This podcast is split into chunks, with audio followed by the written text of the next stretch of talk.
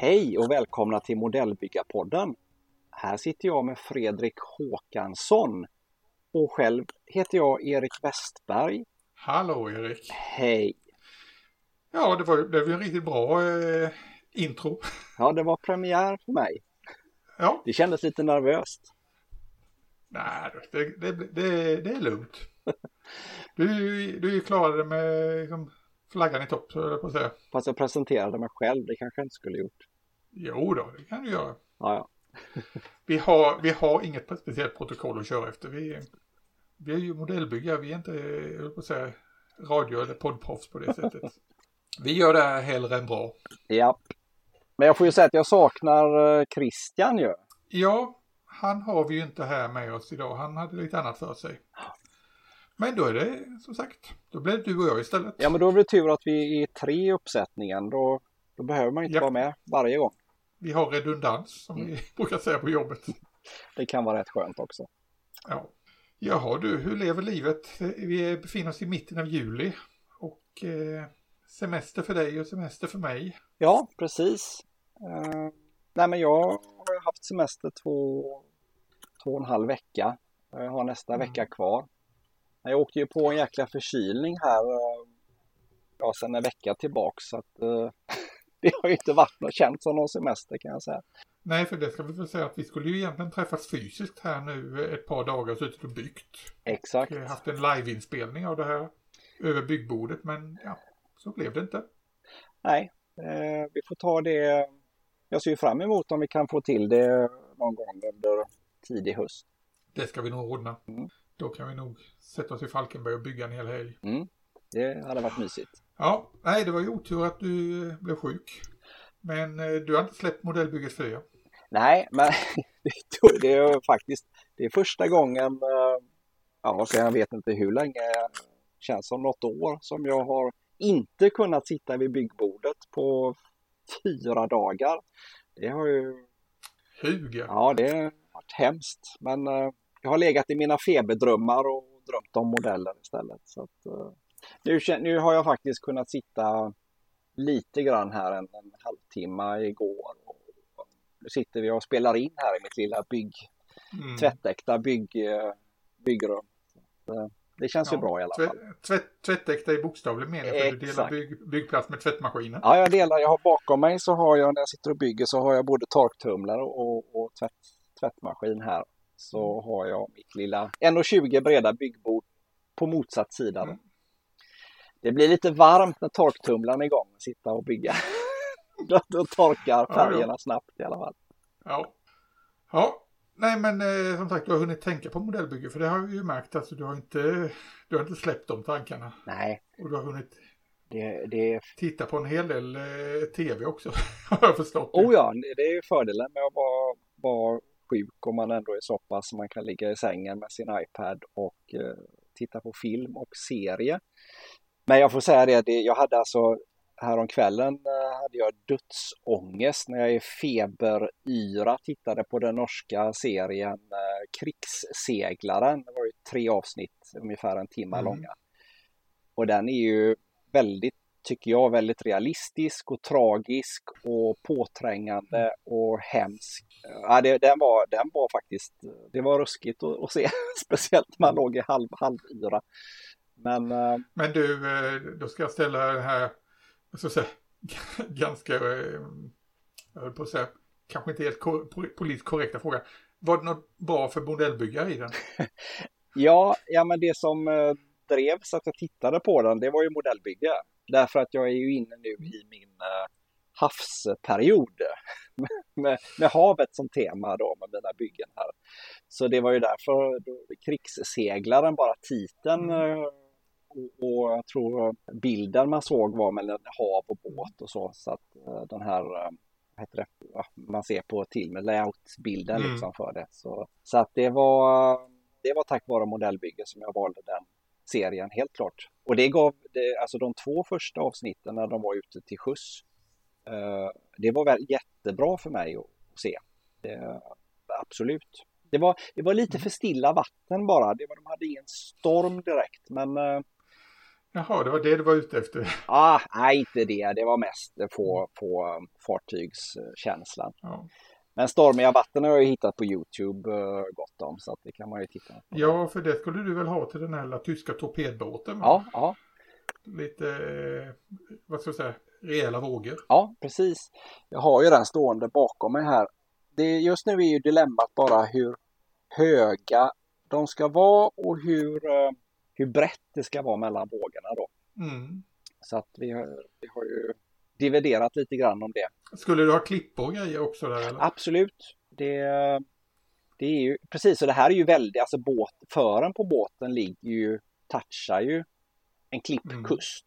Mm. Så att det är ju ganska grunt vatten där uh, den har förlist och det påverkar ju vågornas uh, både bredd och, och, höjd lite grann antar jag. Ja, om jag minns rätt ifrån det där man lärde sig i fysiken någon gång om det här med vågrörelse och så vidare så tog de väl exemplifiera det. Och var det grunt, då blir det högre vågor. Mm. På grund av att kraften måste ju ta vägen någonstans. Mm, mm, mm. så det är, ja, ja, det är bara att forska vidare. Ja, forska vidare. Men sen som vi har talat om mycket i tidigare avsnitt också, det handlar ju om det estetiska i slutändan. Vad som gör sig eh, bra på ett diorama också. Det, det, ju, det ska mm. vara tillräckligt realistiskt för att man inte ska få skit för, för att det är overkligt så att säga. Men, men sen får man skruva lite på sanningen för att det ska se, se snyggt ut också. Ja men det är väl ofta så för just eh, vad ska jag säga, total realism gör det tråkigt. Mm. Nej men och det var som jag, jag skrev till det också där, fråga lite mm. för att den här båten borde ju i, i, i verkligheten så är hela båten genomblöt eftersom vågor mm. i stort sett har spolats över den. Så, så att egentligen borde man ju lacka hela båten i blank klarlack så att det syns att den är blöt. Men, men det går ju inte rent estetiskt så att där får man ju frångå det. Det realistiska Nej. på det sättet. Men jag har sett några exempel där de har eh, gjort fartyg då som har varit väldigt, vad ska vi kalla sjödränkta. Där man utnyttjar eh, det här med att vatten rinner från däck. Mm. Väldigt mycket att, eh, och det är ju det här gamla tricket med bomull. Mm. Men då är, då är däcken i torra, eller matta så att säga. Nej, då tror jag man låter, låter det vara blött ja, hela den biten. Då förstärker du det med vattnet och då blir det mer då naturligt. Då förstärker jag med vattnet som, ja. Eh, som spolas över däcksidan. Mm. Ja, det är en utmaning där. Mm. Ja, du fick ju faktiskt igång mig också på det här med båtbyggande i, i den här lilla skalan på 700. Mm. Efter att du blev färdig med din lilla, den här lilla japanska var det torpedbåt eller minsvepare? Eller jag tror, nej, det var ubåtsjagare var det faktiskt. Eh, Jippi, jag slutförde ett bygge. ja, det är inte grattis till det Ja, också. det är den största bedriften. Ja, nu avbröt jag dig, Fredrik. Nej, men det, jag plockade ju fram en liten 1-700 modell som jag hade råkat få med mig från Japan. Jag har råkat få med mig. Mm, mm. Av en eh, liten japansk kanonbåt som gick på Yangtze-floden i Kina under ja, hela 30-talet i princip. Mm, mm. Från början, eller mitten av 20-talet till och med. En, en kanonbåt som heter Zeta. Och eh, nej men det, det var riktigt roligt att sitta med den. Men det blir ju, den, den är en waterline så den måste jag ju också lägga i vatten. Mm. Men det blir, lugnt, det blir lugnt flodvatten för min del. Ja men jag älskar det att du ska prova på vatten här nu. Det, för det är nästan första gången du, du gör det va? Det blir det faktiskt. Alltså eh, modellbyggare så många år. Man har, jag lyckats undvika det där genom att bygga fullskalsmodeller. Ja men det ser jag, det ser nog många fram emot att se Håkansson bygga bygga vatten. Det tror jag blir bra. Mm. Ja, det gäller ju det gäller ju bara att göra det tillräckligt intressant. Så mm. du lyckas ju göra det genom att till exempel lägga en liten båt vid sidan om mm. och en stor klippa i bakgrunden och sådana saker. Få in det i en kontext. Mm. Ja, jag var väldigt jag nöjd. Göra motsvarande. Ja, men jag, jag såg det. Jag, jätteroligt att, att du la in de här två, eller tre kanske det blir mindre båtarna. För det, det gör också att även om den här, eh, nu är ju din båt större än min, men det är fortfarande en liten båt så att säga 1 till 700. Det gör ju inte så mycket mm. väsen av sig. Men som i mitt fall då den här uh, ubåtsjagaren är ju inte längre än, uh, jag har den bakom skärmen här, titta. Vad är den? Den är kanske 7 7-8 centimeter lång diorama. Den står då på en basplatta som är typ 15 gånger 10 centimeter. Och då tyckte jag visuellt det gjorde väldigt mycket att ha en liten eh, motorbåt bara lite snett eh, i framkant mm. och så klippan då snett i vänsterkant bakom istället. Det blev, blev väldigt dynamik i det hela. Det blev väldigt tredimensionell scen. Där förstärktes det tredimensionella av det här tyckte jag. Så mm. att, eh, ja, det, det kändes roligt. Ja, och det kan, det kan man väl säga att ni som är nyfikna på vad det är Erik beskriver här så finns ju bilder online på eh, Facebook. Eller? Ja, men jag la upp det på Modellbygg eh, Facebook-sidan och sen ligger det på min egna, den Biowork Facebook också då. Så där kan ni se vad Erik pratar om. Eh, nej men eh, den här kanonbåten den är inte mycket längre den. Den är väl typ en 8 centimeter i längd. Ja, den är inte större. Nej den är inte större. Jag tyckte den såg gigantisk ut. Eller inte gigantisk men den såg så stor ut när du visade en bild på det. Jag trodde den var 1 till 350. Nej men det, det var en, den är väldigt krisp ja, modellen. Ja. Det är en liten modell från Aoshima. Ja. Sen eh, som vanligt är med 1 till 700. Man får ju lägga till ganska mycket själv. Mm, mm. Och ja, det, det krävdes lite små grejer. Alltså byta ut master som var överdimensionerade. Eh, det var en överbyggnad på det här, på den här kanonbåten som, eh, eh, ja, det skulle vara fön, vanliga fönster. Så där fick jag sätta in lite spröjsar i den och så vidare. Mm. Hitta på lite sådana saker. Sen, ja, det vanliga relingar. Mm. Byta ut kanonrör till små mässingsgrejer och liknande. Men det, man får lägga sig på rätt nivå. Det ska ge, bara förstärka den här krispa känslan. Mm. Och mm. det var bra kvalitet på modellen. Mm rent ut sagt från början. Det var bra utgångsmaterial och då var det lätt att jobba med det. Mm. Nej men det, det, är härligt att höra. Det, det var ju lite då mm. som vi sa förut så att motsatsen då med den här uh, tyska torpedbåten från första världskriget som ska ligga mot de här klipporna då i det stormiga vattnet. Uh, det var ju mm. lite hopplös kvalitet där. Men nu, som jag sa sist att uh, strunt i det. Jag har beslutat mig för att löpa linan ut och jag har skaffat lite mer ets delar konverterat eh, lite grann här, vissa detaljer så att det blir, eh, den ska se hygglig ut. Liksom. Ja, om inte annat så får du se det som en eh, testbädd för tekniker att lära dig på. Ja, Nej, men det, precis. Det, det, här är ju fortfarande mitt andra bygge så att det är fortfarande lär, mm. try and error. Men du, det är någonting vi snackar alldeles för lite om normalt sett. Alltså alla byggen som man bygger som inte blir så jättebra utan som, ja, det blir testbäddar helt enkelt. Mm. Jag antar att du precis som jag har ett gäng sådana liggande. Ja, det, det är väl byggen som man, framförallt i mitt fall så gäller det byggen, dioramar är det vi pratar om då, mm. eh, som man har påbörjat, man har gjort dem till kanske en tredjedel är de klara så att säga. Mm. Och så har man stoppat upp av, av, för man har velat ta en paus, börjat med något annat och så vidare. Och sen tittar man tillbaka på det bygget efter kanske ett halvår eller någonting och då har man kanske lite grann levlat upp i, i sina skills och då ser det där inte så lockande ut längre att uh, börja på. Så att det, mm. det, är väl det som uh, blir. Ja, nej, men jag, för, mig, för mig tolkar jag sådana där gamla avstannade byggare som, ja, i många fall det blev så här testbäddar. Jag testade ut en teknik, det kanske inte funkade helt och hållet. Jag mm. ändrade någonting när jag test, gjorde nästa grej istället. Mm. Och det får man acceptera, att det, det blir så tycker jag. Mm. Nej, man, kan inte, man kan inte lyckas med allt hela tiden. Nej, jag har ett väldigt bra exempel uh, som grämer mig något fruktansvärt. För det är ett bygge som jag verkligen vill slutföra och faktiskt är väldigt nöjd med förutom en detalj. Och det jag för mig jag hade med mig det till Falkenberg när vi träffades en gång. Det är det här liten, det är en vignett med uh, brittiska fallskärmsjägare som står utanför en byggnad och så har de, leder de ut två tyska fångar med som har händerna mm, uppsträckta. Ja. Och då är jag väldigt nöjd med kompositionen av figurerna, deras poser och allting. Jag har redan gjort klart alltså huset, byggnaden, som det är två våningar och det är en markplatta med, med gatusten. Den är väl kanske 20 gånger 20 cm typ då, basplattan. Och bottenvåningen på huset och övervåningen, bottenvåningen är sten, övervåningen är tegel med sån här kors vad kallas det? Korsvirke. Korsvirke liksom. Och jag är jättenöjd med allting. Jag är så jäkla nöjd med, du vet, gångjärnen på mm. allting och, du vet. Men jag gjorde tegelstenarna alldeles för små. Eh, för att vara i, i 1,35. Idag när jag tittar på tegelstenarna så det finns olika typer av eller storlekar av tegelstenar mm. men mina ögon idag blir bara irriterade på att de kanske då är typ 30% för, för små.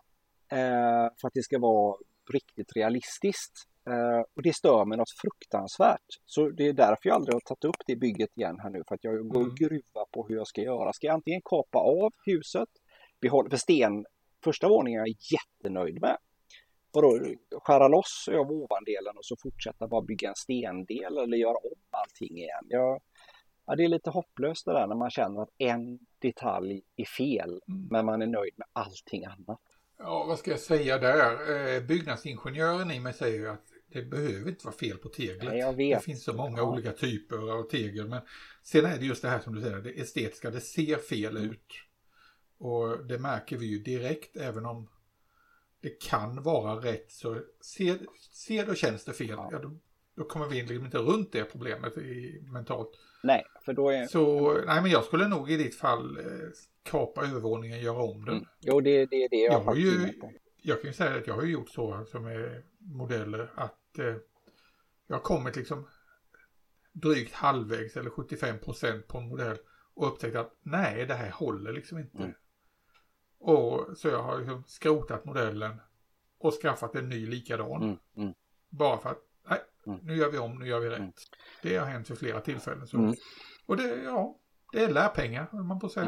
Mm, jo, nej men eh, kom, man kommer ju till det där att man ska ju vara nöjd själv. Man ska ha en härlig känsla i kroppen när det väl är klart. Och har man inte det, ja då är det ju inget roligt slutfört bygge om, om du inte känner dig så nöjd eller stolt över det så att säga. Men du, eh, innan vi fortsätter på det här spåret så skulle jag återgå till lite till, dina, till det här med båtarna. Mm. Att du har trillat in på det. Mm. Som vi har pratat lite om innan, det är ju, nu har du blivit gammal nog för det. Precis. Eller vad nu skälet är att vi börjar med båtar. Men eh, ja, jag får väl gratulera dig för du har blivit med Flyhawk nu. Ja, jag har ju upptäckt detta fantastiska kvalitetsmärke. Jag, jag gillar ju kvalitet eh, och ännu bättre är att Flyhawk har en del av sina kit då som är eh, vad ska man kalla det för fullkittade eller bonus. De, mm. de kallar det för någonting. Men då får du med ett. Du får med allting du behöver. Du behöver inte köpa till något. Okej, okay, den kostar då 30% mer än den vanliga byggsatsen. Men i, i grund och botten skulle du köpt till allt det här från andra tillverkare så hade det blivit samma peng och nu får jag ett kit där allting är gjort av samma alltså samma tillverkare så allting kommer ju passa hyggligt bra utgår jag ifrån då. Så att jag är väldigt eh, men du, det är ju inte bara, det är ju inte bara Flyhawk eh, Fredrik. Jag har ju jag har ju det här Ja just det, du har din snällbåt ja, också. i 172 från Four Hobby. Mm. Och det här blir ju, men den här vill jag spara. det är ju alltså en Eh, snällbåt S38B i skala 172. Det vill säga den blir alltså 485 millimeter när den är färdigbyggd. Det är ett jättebygge. Och eftersom jag är dioramakille så kommer jag ju placera den i en i vattenmiljö, förmodligen i hamn, hamnmiljö. Så vi snackar ju om ett mm. väldigt stort bygge och omfattande. Ja, då ska du bygga kajkant och det ska vara... Eh, Byggnader och figurer och något fordon. Det här blir liksom min eh, master på något sätt i eh, mm. diorama. Så att därför så har jag känt det att jag tänker låta den här ligga på hyllan tills jag har byggt lite andra fartyg och, och lite mer vatten så att jag känner att jag är mogen den här båten. För det, det här blir ett eh, examensarbete i eh, dioramabygge kan jag säga. Mm. Ja, det ska bli intressant att se hur du löser vissa av de här klassiska grejerna när vi pratar om dioramer där för att eh, direkt, vi har ju pratat om det här med parallellitet. Och hur vi är allergiska mot det. Ja, det det. Men det är, ju, det är ju svårt med ett sånt bygge att inte få en parallellitet, alltså att allting ligger jämnt med framkanten. Hur fasen ja, löser, ja, ja. löser du detta? Nej, men det här, eh, jag, när jag beställde båten och jag, jag, hittade den och blev helt hooked, ni vet, det vet alla som lyssnar på det här hur man mm. kan bli ibland man ser en modell man, den ska jag bara ha. Och det tog ju inte mer än eh, en och en halv vecka så låg den på utlämningsstället liksom så hämtade jag ut den då.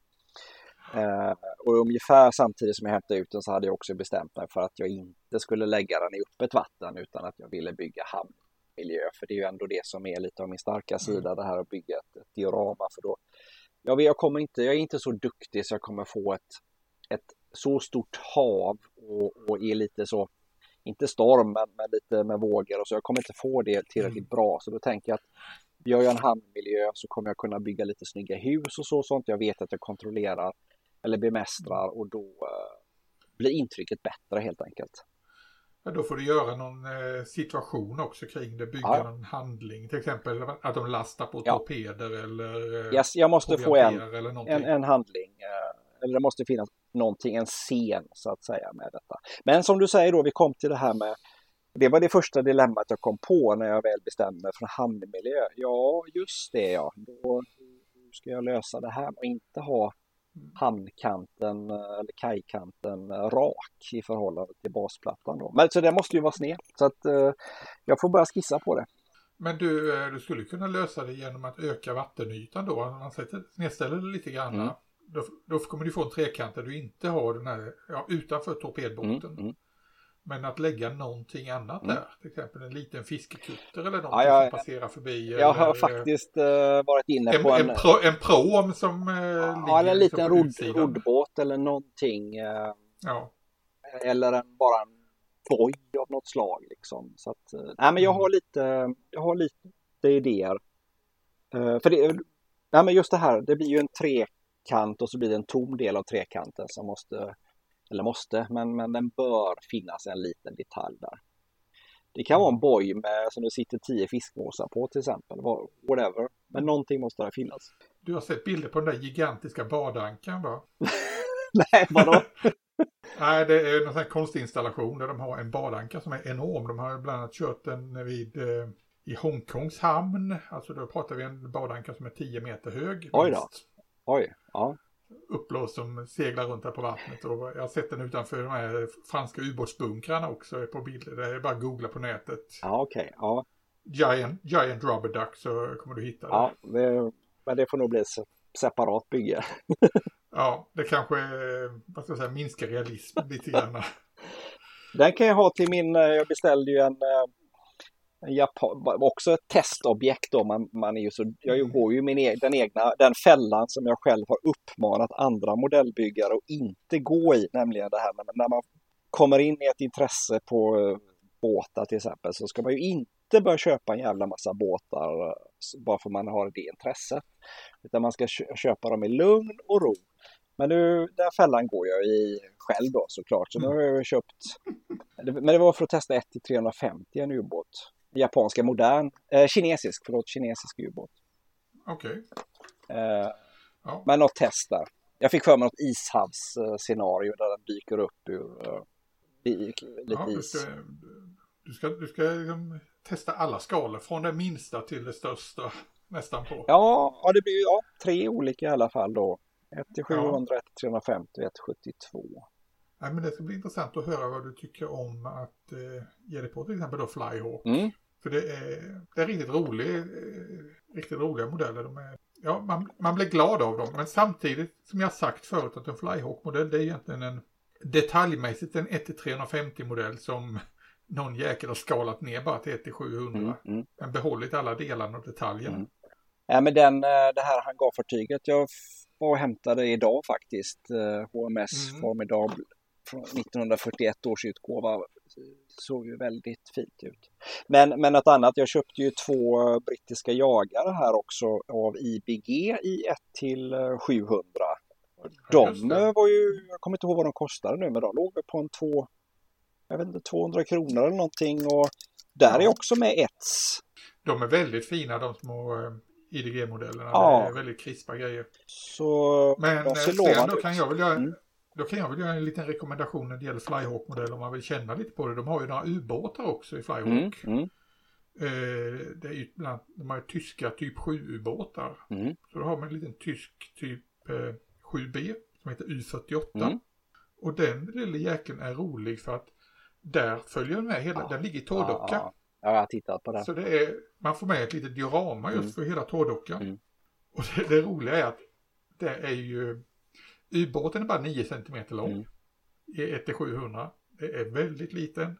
inte många delar, men ändå ett. Mm. Och det är bland annat då eh, lite reling, eh, vinterträdgården och lite sådana här saker i, i ett där. Mm. Och sen då eh, hela tårdockan, den blir ju inte mer än då 11,5 centimeter lång. Så dioramat i sig blir ju jättelitet, men det är väldigt, väldigt krispt Mm. och ja, jag tror det är en bra ingång om man vill testa på Flyhawk. Ja, där kan man ju till och med testa på att sätta in eh, några figurer. Det finns ju också 1-700 som står och Mm. jobbar med, med båten där. Ja, det är, väl det, det är väl det enda som saknas här så är det figurer. Men du, Eh, Just i, eh, jag köpte ju, jag rotar här i mina lådor, sista beställningarna. Jag köpte ju det här fina kittet som jag håller upp här nu. Det är ju Flyhawk då. Och så är det ju Royal Navy Seaplane Dockside Base. Det ja, här, just det, det var ett helt litet diorama ja, också. jag blir tårögd när jag öppnade det här. Alltså det är ju då det är ju sjöplan, ja gud vad heter de? Var det där, det var en eh, Short Sun, Sunderland Ja. med det? Det är två stycken till och med. Oj, Eh, och så är det då en hamn, eh, alltså du får med hus och lite vattentorn eller vad det då är. Och eh, små lastbilar, småbåtar då, de som har motorbåtar, roddbåt. Och det följer till och med i etsen här. Så är det alltså med, eh, ja det är ett 20-tal eh, figurer i 1-700 som följer med ja, du har ju ett komplett Ett, diorama. det, det, ja, det, ja, det, det är helt fantastiskt. Eh, ja, det, det, Var det, dy- var det, ja, det kostar väl kanske en 350 kronor. Ja men herregud, jag hade Eller- ju inte fått de olika delarna. för. Eller, ja, det inte över 400 tror jag inte. Det, det, jag tycker det här var, om man vill bygga ett litet diorama med två plan. Det följer också med en sån här typ torpedbåt eller någonting. Eh, Så det alltså Ja. en båt, två flygplan, massa fordon, figurer, byggnad, vattentorn och eh, hamn, dock, eh, eller ja, liksom en kaj. eh, Allt kaj, ett kajen 700. också. Ja, det, vänta, nu håller du upp den. Den är inte mer än 20 centimeter hela dioramat va? Ja, den är, ja, strax över 20. Jag kan mäta här. Nej, förlåt, 17 är den bara. Jaha, 17 i bredd.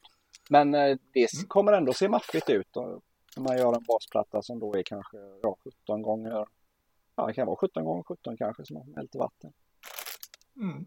Är väldigt eh, roligt faktiskt. Det, jättehäftigt. det får jag säga.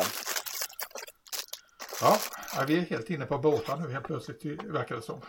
Ja, men här var ju faktiskt flyg, flygplan också. Så att, eh, ja, ja, men du kan vara lugn. Det är lite i den här lådorna så är det ju lite, lite riddare och Napoleonfigurer också. Så att det, ja, Ja, du ska, du ska upp i alla fall på lite 54 Ja, ja. och sånt där ja, också. men när man ändå är igång. Mm. Eller varför inte här? Lite eh, första världskrigstyskar i gasmask. I en så är en ku- Ja. kulspruteställning. Mm, Vad är det för fabrikat på dem? Eh, M-model. Riktigt. Eh, de är det är en polsk tillverkare. Eh, men jag har ju köpt Okej. flera stycken av dem. Nu sista här. Och de, de är faktiskt den här riddaren jag byggde ihop han med som håller fågeln Mm. som jag har primat. Det är en M-model. Och den är jättekrisp och fin. Och det är 54 millimeter. 54. Och jag blir helt hooked på just 54 i och med att det är lite större än 135 så det känns Mm. lite lättare att måla faktiskt och detaljerna blir ännu mer tydliga än i 135. Och vad, blir, vad ligger det om skalmässigt? 130 ungefär va? Typ. Ja, ja, ja, ja jag vet inte om de säger 132 eller om det är 130 men väldigt trevlig storlek. 132 känns lite litet. Ja, ja. Eller, ja. Mm. Nej men de här, nej men det, det stämmer nog. Ja, det, är, det, är oli, det är olika. Det är väl precis som du säger 28 mm eh, Wargame-figurer. De är knappast 28, cent- 28 mm längre. Nej. Nej men den här, jag kan tänka mig 1 till 30. Väldigt trevlig storlek kände jag när jag limmade ihop den här Mm. och primade den alltså. Jättefin. Ja, du går tillbaka till, vad ska jag säga, till rötterna när det gäller modellbygget. Tillbaka till figurer och lite båtar. Ja.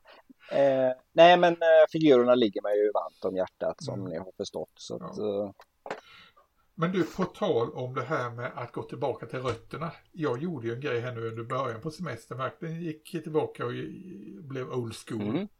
Jag byggde en, eh, en gammal, eller en Gillows-modell. Ja, det var det du Alltså visade. en, en, balsa, en balsamodell byggde Ja.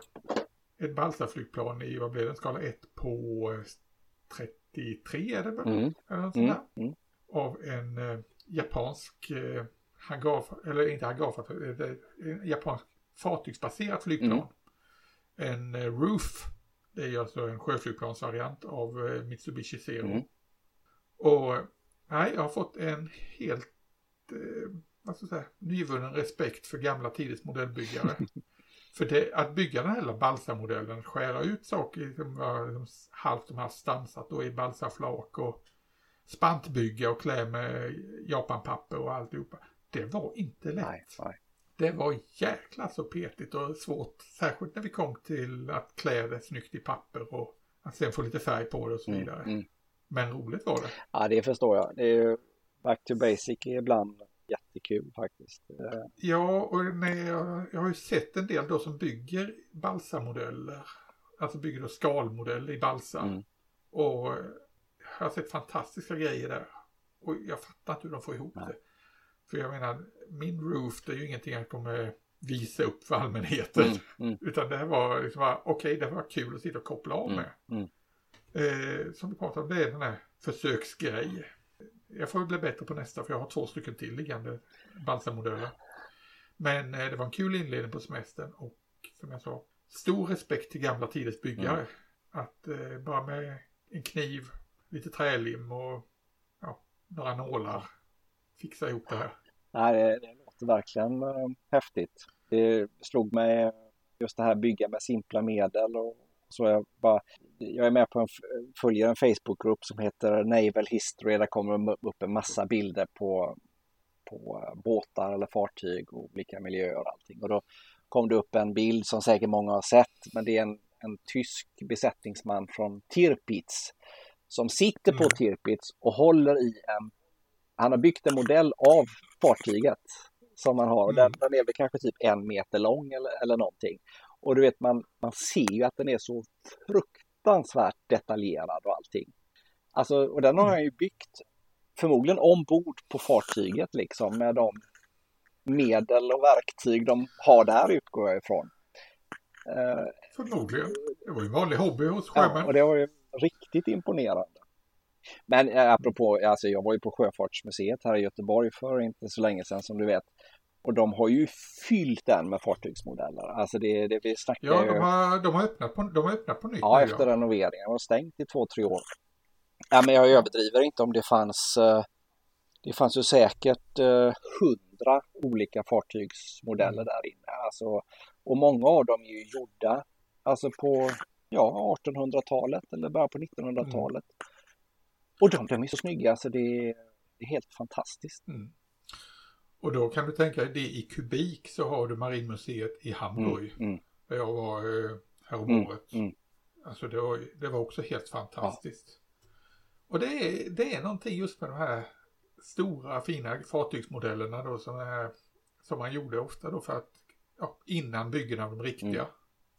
Det, det är något fascinerande över, över de modellerna. Ja, men det var ju ett träskepp då som var byggt slutet på 1800-talet som det stod utställt och då stod det uttryckligen att det var byggt av kap Mm. kaptenen på den båten som hade byggt den. Ja. Ja, det var så häftigt. Ja, och sen var det väl standard, liksom varenda fartyg som eh, löpte ut från Götaverken fanns det en modell innan, alltså Mm. en rederimodell som kom sen på, hamnade på redarens kontor. Mm, mm. Så det, Ja, nej, det är fantastiskt med sådana modeller. ja, Och det är väl, och jag tror det är ett av skälen till varför jag tycker om att bygga fartyg, så här fullskrovsmodeller och sätta det på, på, plintar. För det här är vad jag kommer ihåg från när jag var liten. Man gick på Sjöfartsmuseet och Tekniska museet i Malmö och även var uppe då på i Stockholm. Mm. På Sjöhistoriska där. Att det var de här modellerna man såg. Mm, mm. Och det var väldigt fascinerande. Ja. Mm. Du, jag tänkte också en annan liten grej som jag stötte på här nu när jag satte igång och bygga det ett på 700. Jag behöver göra väldigt, väldigt små grejer och jag upptäckte bland annat att jag behövde fila ut extremt små hål. Rätta till saker och ting för det hade de misslyckats lite i gjutningen. Och då fick jag användning av ett väldigt udda verktyg Mhm. som jag genom en mycket otrevlig händelse kom i kontakt med första gången. Mhm. Jag var nämligen tvungen att göra en rotfyllning för eh, ett år sedan. Mhm. Det är inte så jättekul ju. Nej. Men eh, alltså genomgå en rotfyllning och samtidigt vara modellbyggare det innebär att man börjar titta på vad är det för verktyg tandläkaren använder. Och jag upptäckte att han använde små, små, små filar. Mm. Alltså pyttesmå filar som var, och de var gjorda i, i eh, rostfritt stål. Mm. Och då pratar vi filar som är 0,5 millimeter. Oh, oj, oj. Ja, Fre- Ja, Fredrik håller upp ja, här i bild för mig så att jag Mm. ser. Och det, jag, hittade, jag hittade faktiskt sådana här när jag eh, var inne och letade på nätet på eh, AliExpress. Så här små, små tandläkarfilar. Mm. Som man använder just för rotfyllning. Så jag köpte på mig sådana. Och eh, jag tänkte, ja ja, det där kommer jag väl aldrig använda. Men jäklar vad de var bra. Mm. Fantastiska små verktyg. Ja, men det är just de där minsta verktygen som är Mm. eh, obetalbara så att säga. För att de, eh, du, ofta kan du lösa en sak med dem som du inte kan, du kan inte göra det med någonting annat liksom. Om du inte har en Nej. sånt litet. Och dessutom det fina med dem var att det var ju liksom, de var så pass eh, jag säga, flexibla så de tålde att böja lite grann. De tålde lite behandling helt Mm. enkelt. Det är inte som de här pyttunna borren som man har som det räcker med att titta på den så bara går de Mm. av. Utan de här de höll faktiskt att eh, kunna fila upp någonting Mm. med. Men, man, du, du, men kan du nästan, eh, om du, är den platt i änden så att säga? Eller är den lite Nej, de är, de är, rund, de är runda. De är runda. De, eh, och sen eh, eller i änden så är den ju spetsig. Ja, ja, du kan nästan ha den som en liten, Ja. inte borr ska jag inte säga, men du kan fi, fila den ner lite grann i materialet om du vill. Ja, en brottskölj Ja, sån där skulle Ja. jag kunna ha. Fast pyttelitet. Ja, ja. Och, och jobbar med by plast så kan du ju liksom fila dig fram Mm. med den. Men det var helt fantastiska prylar. Mm. Jag ser, jag kan, jag kan ta och lägga upp någon bild på den på, på Mm, Facebook. mm. På de här pytteverktygen. Ja, men du, vi var inne här innan och pratade lite om, eh, kom vi nuddade ju kring det här liksom att, du, att du har kommit in nu i den här fasen med eh, fartyg och ändrat lite inställning till saker och ting. Så jag började tänka lite och det har ju egentligen att göra med en diskussion som vi hade tidigare idag där du ställde frågan om vilken typ av, hur man ville vara som byggare. ja det, Vad var det du, vad var det du sa Ja, där? det- Om vi går tillbaka lite. nej, men det, var, det kommer i min, min eh, gamla mentor Janne Nilsson i, i Stockholm som eh, ställde frågan till mig, eller rättare, ja, han ställde frågan, men han, sa- han sa så här, vill du bli, vara bäst bland de dåliga eller sämst bland de bästa som modellbyggare? Mm. Mm. Ja, men det är mycket intressant inställning. Så att, eh, Eller mycket, mycket, mycket intressant fråga. Den satte ju igång en väldig diskussion mellan, mellan Christian och mig i alla fall. ja, jag höll mig Ja, nu, utanför. ska vi inte, nu, ska vi inte, nu ska vi inte ge oss på Christian här för Han kan inte försvara sig. försvara sig. Nej. Nej, men eh, det beror väl lite, eh, som jag såg det så var svaret liksom, det beror lite på vad man har för förhållningssätt till, till sitt modellbygge.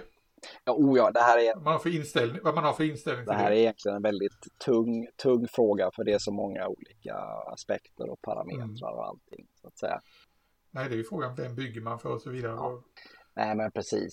Eh, exakt, jag, jag, jag, jag kände väl från när man är nybörjare så att säga så eftersträvar man kanske i första hand att bara försöka bli bättre så, så att säga. Man vill utvecklas som, som byggare. Då, då är det klart att det är jättetrevligt att vara, kan man komma så långt så man är bland de bästa, bland standardbyggarna så att säga, så, Mm. så är det, eller ja, då, är det ett trevligt mål så att säga. Men Ja, Jag vill gå tillbaka ännu längre, liksom när, när jag var i yngre tonåren och byggde flygplan. Det var ju mängdträning i princip. Mm. Det var ju som när man lärde sig räkna Mm, ungefär. Nu, varje helg byggde jag ju ett flygplan minst. Mm. Men in, inte fasen blev det bra, men man skulle bygga många. Och det var ju roligt, skulle, man skulle vilja ha alla. ja, precis. Nej, Men du, eh, vad betyder hobbyn för dig nu i, i dagsläget? Ja, ja nej men alltså, i grund och botten så han, handlar det om att när man väl känner att ja, men nu har jag lite tid här, jag kan gå in och sätta mig vid byggbordet. Bara, bara den känslan, jag går in och sätter mig och sen gör man någonting vettigt, bara det är något vettigt. Och sen försvinner, när man väl sitter där så försvinner ju tid och rum och man bara går in i någonting och det är så jäkla roligt och avstressande och underbart. Det, det, det är ju det viktigaste. Så, så enkelt är det. Mm. Och, och tidigare så var det väl som man, ni vet, och så liksom jag dokumenterade väldigt mycket och filmade och har ju min Youtube-kanal och det var det var liksom viktigt för mig i den fasen jag var då att dokumentera och få ut. Det, drev, det tyckte jag var jätteroligt. Men, men idag så är det inte lika viktigt längre av, av någon orsak som jag inte riktigt eh, vet. Utan nu, nu, nu går jag in i det och så har jag roligt. Och så hinner jag dokumentera lite grann så är det jättebra men det är inte mm. nödvändigt. Ja men det är väl så, det skiftar över tid, ja. saker och ting. Jag vet för mig så eh, var det ju det att eh, jag blev ju, eh, blev ju enkeman då för några år sedan. Och i kölvattnet av, eh, av detta, då blev modellbygget väldigt, väldigt viktigt för mig för att hålla liksom, mig ovanför ytan. Mm. Det var, eh, som sagt, gå in i någonting, sätta sig med det, fokusera mm. och visa liksom att jag kan producera någonting, jag kan göra någonting här. Men hur ofta satte du dig då liksom? Var det, var det varje dag, flera timmar eller var det? Ja men då var det ju helt plötsligt att då fick jag en massa tid över kan vi uttrycka det mm. som. När man blir ensam. Mm. Dessutom min dotter hon var ju över tonåren och hade ju sitt liv och så vidare. Mm. Precis som de flesta tonåringar de blev självständiga helt plötsligt och behöver ju inte föräldrarna i samma omfattning. Mm. Utan de har sina aktiviteter och så vidare. Och att i det läget så märkte jag att jaha, nu har jag en massa tid.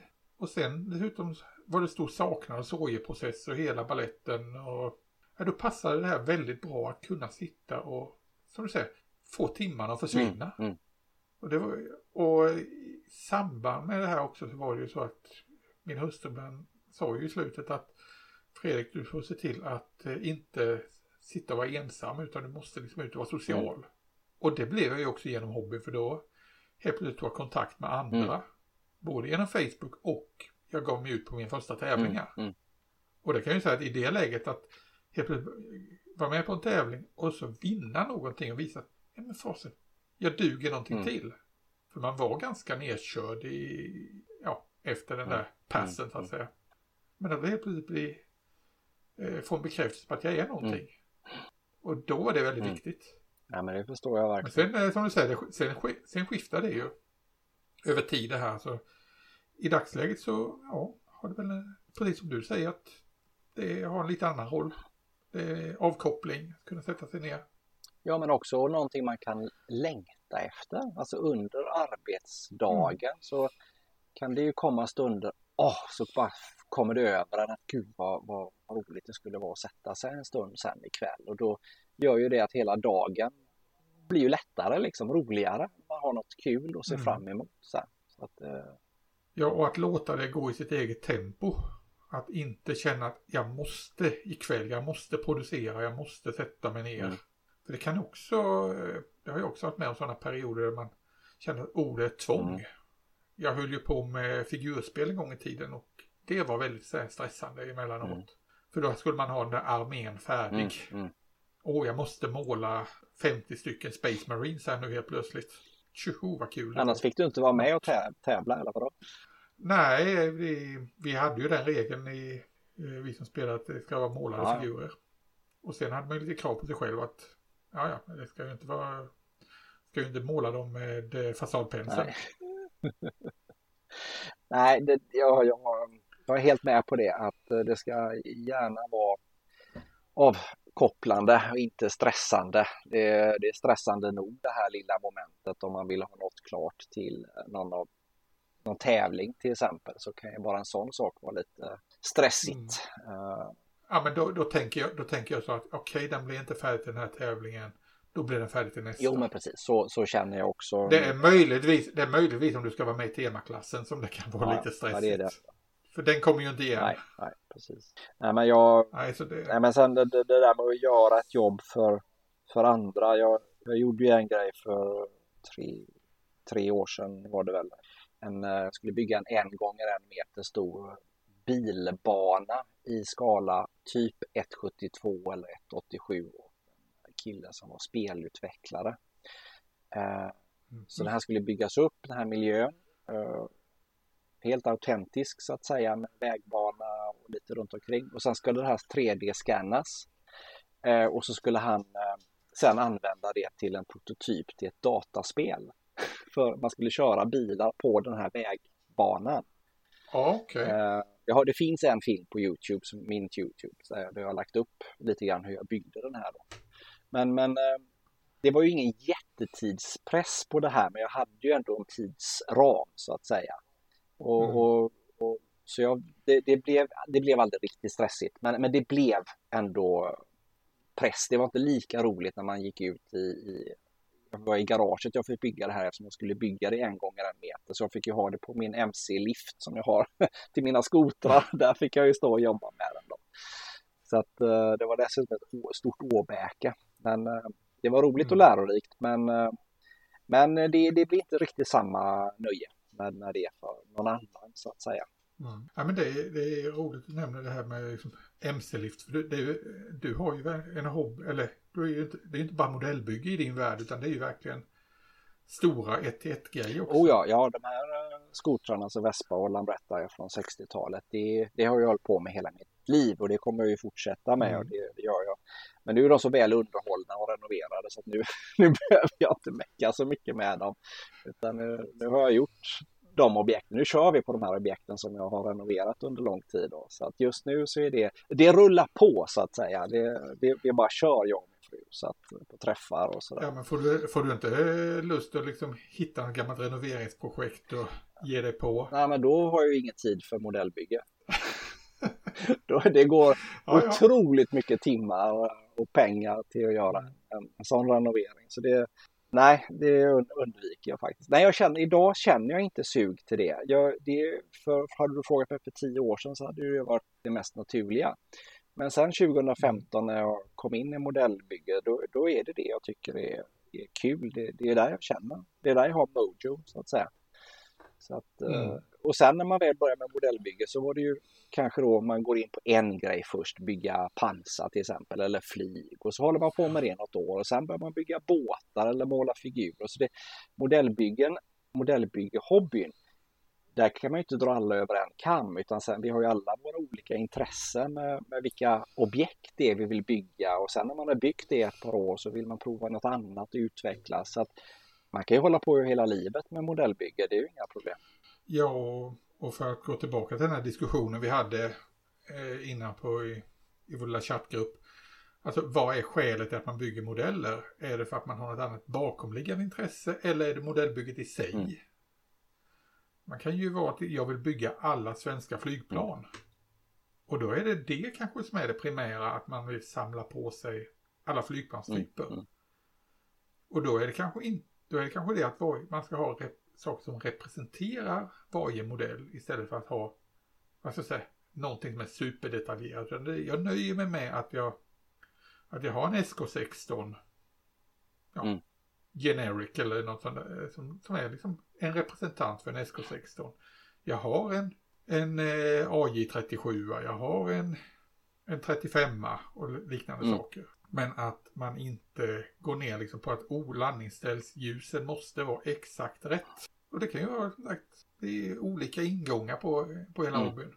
Nej men det handlar ju om att man ska ha eh, roligt och som ja. vi pratade lite om i avsnittet för ett tag sedan det här att varje, ja det var det här när vi pratade om eh, sociala medier och inspiration och så, när mm. folk lägger ut bilder. Jag vill bara påtala det en gång till där, alltså alla som lägger ut bilder, de, vid, vid det tillfället man lägger ut en bild på en figur eller ett diorama eller stridsvagn eller flyg. Alltså, när, när man som modellbyggare gör det, då, då är det ju det senaste bygget man har gjort.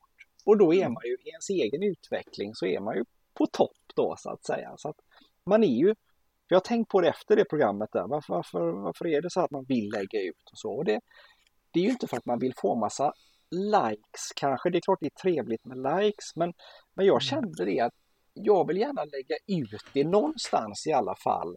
Bara för att liksom ha gjort det, bara som ett kvitto på mig själv att här är jag, jag har gjort det här. Eh, ni kan gilla, mm. skriva någonting, men det är liksom inte Ja, det, det är bara så man får ur sig det lite grann.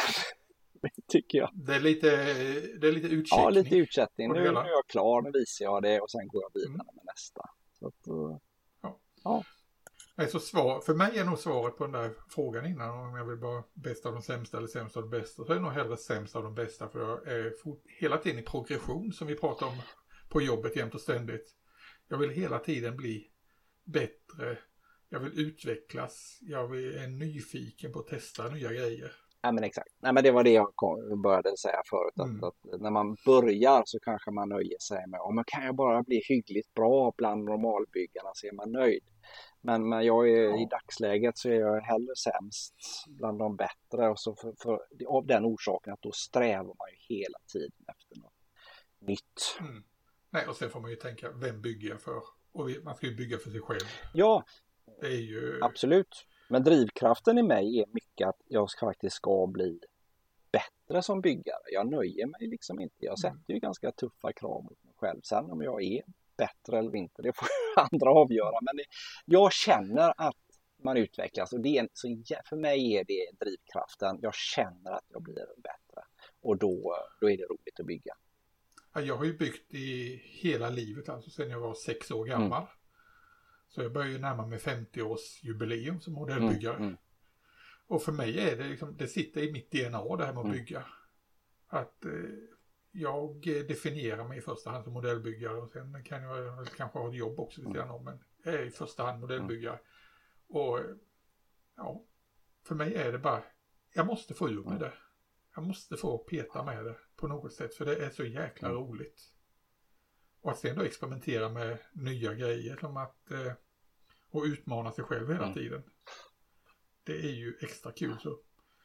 Ja, som jag sagt innan, nu ska jag ge mig på det med bilar. Nu ska jag, nu ska jag testa den grejen också och bli, lyckas med mm. det. Inte för någon annans skull, utan för min egen ja. skull. För jag har gått och grunnat på det så länge. Nej, men precis. Det är ju en, eh, det är en sån här härlig känsla när man ger sig in på en ny en ny, ny kategori liksom. Om man faktiskt kan mm. få lov att vara lite dålig i början för att ja, ja, men det gör ingenting. Man känner att det här nästa gång blir det andra lacken blir bättre än den första liksom. Och blir den då det, då är det en jättehärlig känsla. Nej, som sagt, det är ju bara att okej, okay, gör om, gör rätt. Mm.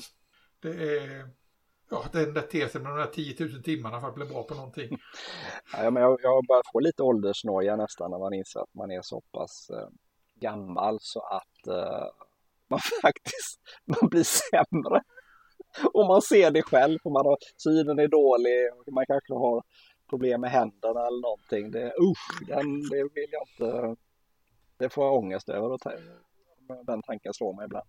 Nej, jag kan väl snarare bli liksom, eh, nästan lite förbaskad då, då när man ser en 20-25-åring som har, liksom, ja jag började förra året och sen helt plötsligt fått ihop någonting som är hur bra som helst. Liksom en learning curve som är hur brant. Ja, den är...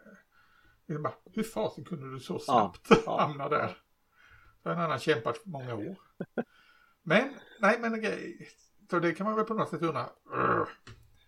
Varför ska det vara så orättvist? Men samtidigt, jag blir så jäkla glad också när man ser herregud vad den killen har, eller tjejen har lyckats. Mm. För det är, ja, jag är tillbaka på, till den här grejen att jag tycker att vi har en härlig hobby på det sättet att vi delar med oss, vi är glada för varandra. Det är, ja. Vi har en positiv in, grundinställning till saker Ja, det är en jättefin gemenskap och alla de forumen mm. jag är med på som sagt och där är ju folk väldigt trevliga. Men det är ju nästan så att man, de är för trevliga och då kommer vi in på det här med sociala medier. Att när man lägger mm. ut något så Ja men det är inte kul om alla säger att det är bra. Man vill gärna få lite kritik också kanske. Med någonting man skulle kunna gjort bättre. Det, ja. Men du, hur ser du nu på, ja, på hösten här? Är det fartyg, fartyg, fartyg nu? Ja, nej men det var som jag sa häromdagen att det slog mig som en blixt en, sommar åskvädersblixt här att snart är det AIM. Det är mm. nästan eh, så det känns som det är nästa vecka. För augusti kommer gå väldigt eh, fort känns det som och sen är det första helgen i september. Ja. Så jag kände att shit, loppet är redan löpt här nästan. Nej men jag, jag vill ju jättegärna ställa ut någonting i alla fall och mm. då är det ju att jag måste ta ett paus i fartygsbyggandet. Eh, jag känner faktiskt att jag kan göra det som jag precis slutförde, det här lilla sjödioramat. Så då kan det vara lämpligt att, att låta det andra vänta och så slutföra mitt eh, korsriddarbygge eh, som jag håller på med. Diorama med ganska många figurer eh, och en byggnad som eh, jag har kommit väldigt långt med det. Byggnaden är nästan klar. Det är bara taket, lite detaljer på marken och sen är det att måla färdigt fyra korsriddare. Eh, Mm. Så det, det, det, det, vet jag att jag kan hinna i alla fall. Jag, på så här, jag, jag sitter här och ler för jag tänker på den här gamla tesen som jag lärde mig en gång när, vi, eh, när jag jobbade som byggnadskonstruktör. Att eh, ett projekt, de första 90% av projekten de tar 10% av mm. tiden. Mm. De sista 10 tar de resterande 90% av tiden. Det, det är helt... Det är, helt där, det är där det brukar skita ja. sig. Ja, då, precis. Eh, då får, det är ju då man kommer till det här till slut done, not finished, eller not perfect, mm. som man säger. Ja, men alltså, ja. Man får ju bara vara nöjd. Djävulen sitter, djävulen sitter i detaljerna, men någonstans får vi dra ja. gränsen. Nej, men i det här, uh, det här korsriddarprojektet så, så mm. där har jag faktiskt kommit, helt ärligt, väldigt långt. Det, det är målningen här, de här fyra riddarna som är klar. Det är klart till, till 60 procent. Så det, det, är, det är ett par kvällars, eller ja, det säger man. Men eh, taket är ju kvar faktiskt att göra. Så att, ja, usch. Jag blir, blir lite stressad här när jag tänker på allt. ja, jag bara tar det lugnt, andas djupt. Blir du inte färdig så blir du inte färdig. Nej, nej, nej. nej. Och sen blir jag inte klar, då blir det ju klart till C4 i alla fall. Så att eh, mm. där finns ju en second chance så att säga. I och med att de ligger lite tätt men ändå lite, lite mellan så man hinner slutföra saker. Ja. Själv då? Ja, vad ska jag säga? För mig, eh, jag tänker inte så mycket på det här med AIM och tävlingar, att det, att det ska bli färdig med det, utan det blir som det mm. blir, höll jag på att säga. I höst har jag väl annars tänkt att jag har ett par, tre grejer. För det första har jag sagt det här med bil, att jag ska ge mig på att bygga någon mm. bil. Och då har jag väl ett par, tre liggande som är ja, potentiella objekt. Mm. Bara lite vad jag ska göra med dem. Och sen har jag, eh, jag vill bygga någon båt under mm. hösten. Mm. Givetvis. Vilken har jag inte riktigt bestämt men eh, ja, jag sneglar lite på eh, en et, den gamla 1-350 modellen av SMS Emden. Mm. Men det kanske blir 1-700-varianten av Emden också, Flyhawk-varianten. Ja, för den hade du liggande va? Mm. Ja, den hade jag. Jag har bägge mm. liggande. Eller det är inte Emden har jag inte i 1-350, jag har Dresden, systerfartyget. Mm. Det får bli Dresden. De skiljer sig åt genom propellerkonfigurationen. Mm, mm. Men det är bara detaljer. Nej, och sen har jag en jättegrej som jag vill ge mig på. USS Enterprise. NCC 1701. Star Treks Enterprise mm. alltså. Och där har jag den stora eh, Polar Light-modellen e 350. Mm. Den blir gigantisk. Får du in den i lackboxen? Eh, nej, det är väl det som är problemet. Och den är avancerad och det ska vara belysning ja, det. och det är allt möjligt i den. Och den blir i ett diorama är... oftast? Nej. nej, nej, nej, den pompl den blir pomplin. Ja visst, jag bygger, jag bygger halva rymden. Ja, nej, jag tänkte den låg störtad ja. på en planet i en sandstorm. Mm. Nej, men det är ett sådant här jätteprojekt som jag vill ge mig på under hösten. Men det, låter ju, det låter ju väldigt spännande.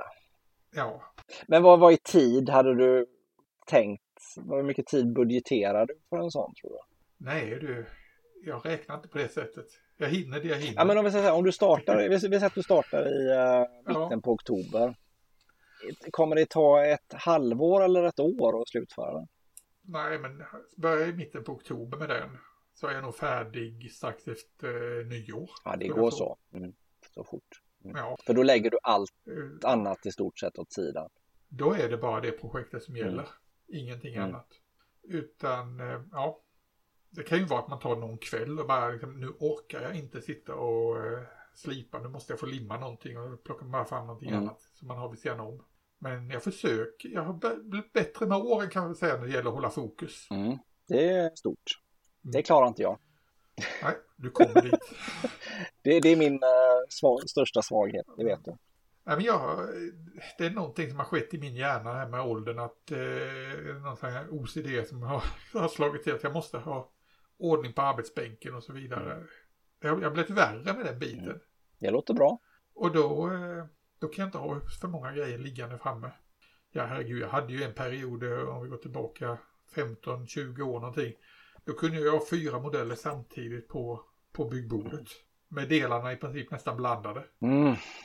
Ja, om jag blickar ut över mitt byggbord som är 1,20 brett och 60 djupt så har vi ett korsriddardiorama. Vi har några påbörjade palmer i 1,35 som står i en glasburk. Vi har lite 54 mm figurer som är målade eller delvis målade. Vi har dig i skala 1,72 stående här. En läderrock och stor pistol. Sen har vi det här färdiga sjödioramat. Sen har vi något eh, påbörjat bygge här i cellplast. Så har vi någon u- Ja, ja, men du har inte, alltid, du har inte allting liggande på skär... Du har ju inte allting liggande på, eh, på den här gröna skärplattan i alla fall. Nej, där är...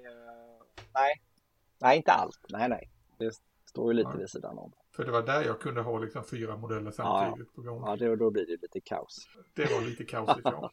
ja, men det låter ju som att du kommer ja. hålla dig uh, hyggligt sysselsatt under hösten, ja. får jag säga. Men det är som sagt, det kan ju svänga kvickt att man helt plötsligt får ja, andra prioriteringar i tillvaron och bygger väldigt mycket mindre. Mm. Och det, det räknar jag mm. med.